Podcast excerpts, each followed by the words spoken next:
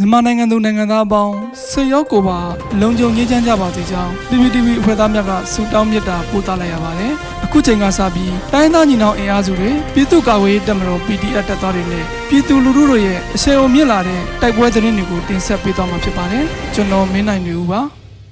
။ပထမဆုံးအနေနဲ့လောင်းရှင်မှာစောမြဘတ်တို့ထွက်ခလာသောစစ်ကောင်စီတပ်ဖွဲ့စက်တောင်းတောင်ကျော်တွင်တိုက်ခိုက်ခံရပြီးအထိနာခဲ့တဲ့သတင်းတင်ဆက်ပါမယ်။ကံပလက်မြို့နယ် ကျင်းသေးကျွရမှာထွက်ခွာလာတဲ့စစ်ကောင်စီတပ်ဖွဲ့ဟာလောင်းရှည်ကျွရတွင်ညအိပ်ပြီးနောက်မလ3ရက်နေ့မနက်စောမြဘတ်တို့ထွက်ခွာလာစဉ်စက်တောင်းတောင်ကျော်တွင်လောင်းရှည် PDF ကမိုင်းများလက်နက်ကြီးများဖြင့်တိုက်ခိုက်ခဲ့ပြီးတနေကုန်နီးပါးတိုက်ပွဲဖြစ်ပွားကစစ်ကောင်စီဘက်မှအထိနာကြောင်းလောင်းရှည် PDF ကသတင်းထုတ်ပြန်ပါတယ်။လောင်းရှည်ကျွရမှာဂျမန်နေ့နနက်၈နာရီတွင်ထွက်ခွာလာတဲ့စစ်ကောင်စီတပ်ဖွဲ့ကိုနနက်9နာရီခန့်မှာတောင်ပေါ်ကြီးကျွရအလွန်စက်တောင်းတောင်ကျော်တွင်လောင်းရှည် PDF က မိုင်းဆွဲတိုက်ခတ်ခဲ့ပြီးစစ်ကောင်စီဘက်မှထိခိုက်ဒေဆုံးမှုများရှိကြောင်းသိရှိရပါတယ်။ယင်းနောက်လောင်းရှည် PDF ကလက်နက်ကြီးများဖြင့်73ချိန်တိုက်ခတ်ခဲ့ပြီးစစ်ကောင်စီဘက်မှလက်နက်ကြီးလက်နက်ငယ်များဖြင့်ပြန်လည်ပစ်ခတ်သဖြင့်ညနေ9နာရီထိတိုက်ပွဲပြင်းထန်ခဲ့ကြောင်းတိုက်ပွဲတွင်စစ်ကားများထိခိုက်ပျက်စီးနိုင်ပြီးစစ်သားများအော်ဟစ်ဆက်ဆိုသများကိုကြားရကြောင်းလောင်းရှည် PDF ကဆိုပါတယ်။တိုက်ပွဲဖြစ်ပွားချိန်7နာရီခန့်ကြာမြင့်ပြီးလောင်းရှည် PDF ရဲဘော်များ အထိကိမရှိစုခွာနိုင်ခဲ့ကြောင်းနှင့်စစ်သားတေဆုံးဒဏ်ရာရမှုစည်းရင်းကိုထပ်မံထုတ်ပြန်မိဖြစ်ကြောင်းသိရှိရပါတယ်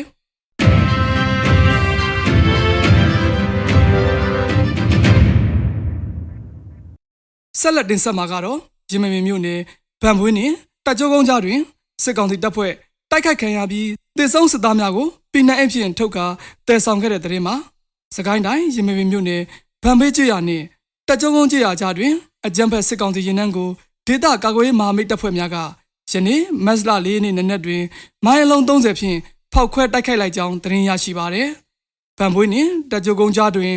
အကြမ်းဖက်စစ်ကောင်စီတပ်ဖွဲ့ဝင်များကလက်နက်ကြီးများဖြင့်ရန်တမ်းပစ်ခတ်နေစဉ်မဟာမိတ်တပ်ဖွဲ့များကယနေ့နနက်9:42မိနစ်ခန့်၌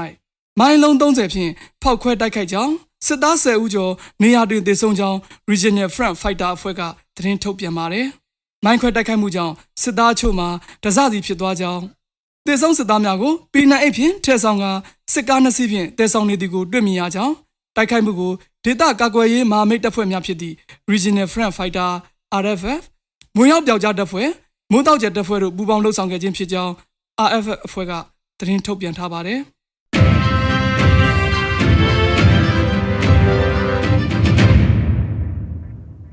နောက်ဆုံးအနေနဲ့ အမျိုးသားညီညွတ်ရေးအစိုးရပြည်ထရေးနှင့်လူဝင်မှုကြီးကြပ်ရေးဝန်ကြီးဌာနက2022ခုမတ်လ4ရက်နေ့ရက်စွဲဖြင့်ထုတ်ပြန်တဲ့ပြည်သူ့ခုခံတော်လှန်စစ်တရင်အချက်လက်တွေကိုတင်ဆက်ပေးသွားမှာပါ။အာဏာသိမ်းအကြမ်းဖက်စစ်အုပ်စု၏ပြည်သူလူထုအပေါ်အကြမ်းဖက်ဖိနှိပ်ဖမ်းဆီးတိုက်ခိုက်တပ်ဖြတ်နေမှုများကိုပြည်သူလူထုတရလုံးကအသက်ရှင်နေရေးအတွက်မိမိကိုယ်ကိုမိမိခုခံကာကွယ်ပိုင်ခွင့်အရာပြည်သူ့ခုခံစစ် People Defense War ကိုဆွေးနွေးလျက်ရှိပါတယ်။တရင်ချက်လက်များအရ3ရက်3လ2022ရက်နေ့တွင် စစ်ကောင်စီတပ်ဖွဲ့ဝင်48ဦးသေဆုံးပြီးထိခိုက်ဒဏ်ရာရရှိသူ9ဦးအထိခုခံတိုက်ခိုက်နိုင်ခဲ့ပါတယ်။စစ်အာဏာရှင်စနစ်မြမမျိုးပေါ်မှာအပြစ်တိုင်ချုပ်ငြိမ်းရေးနှင့် Federal Democracy တည်ဆောက်ရေးအတွက်ငြိမ်းချမ်းစွာဆန္ဒပြသည့်လူထုတပိတ်တိုက်ပွဲများကပြည်내နှင့်တိုင်းဒေသကြီးများမှာဖြစ်ပွားပေါ်ပေါက်လျက်ရှိပါတယ်။မြေပြင်မှာယခုတွေ့ရှိရတဲ့သတင်းအချက်အလက်များထက်ပို၍ဖြစ်ပွားနိုင်ပါတယ်ခင်ဗျာ။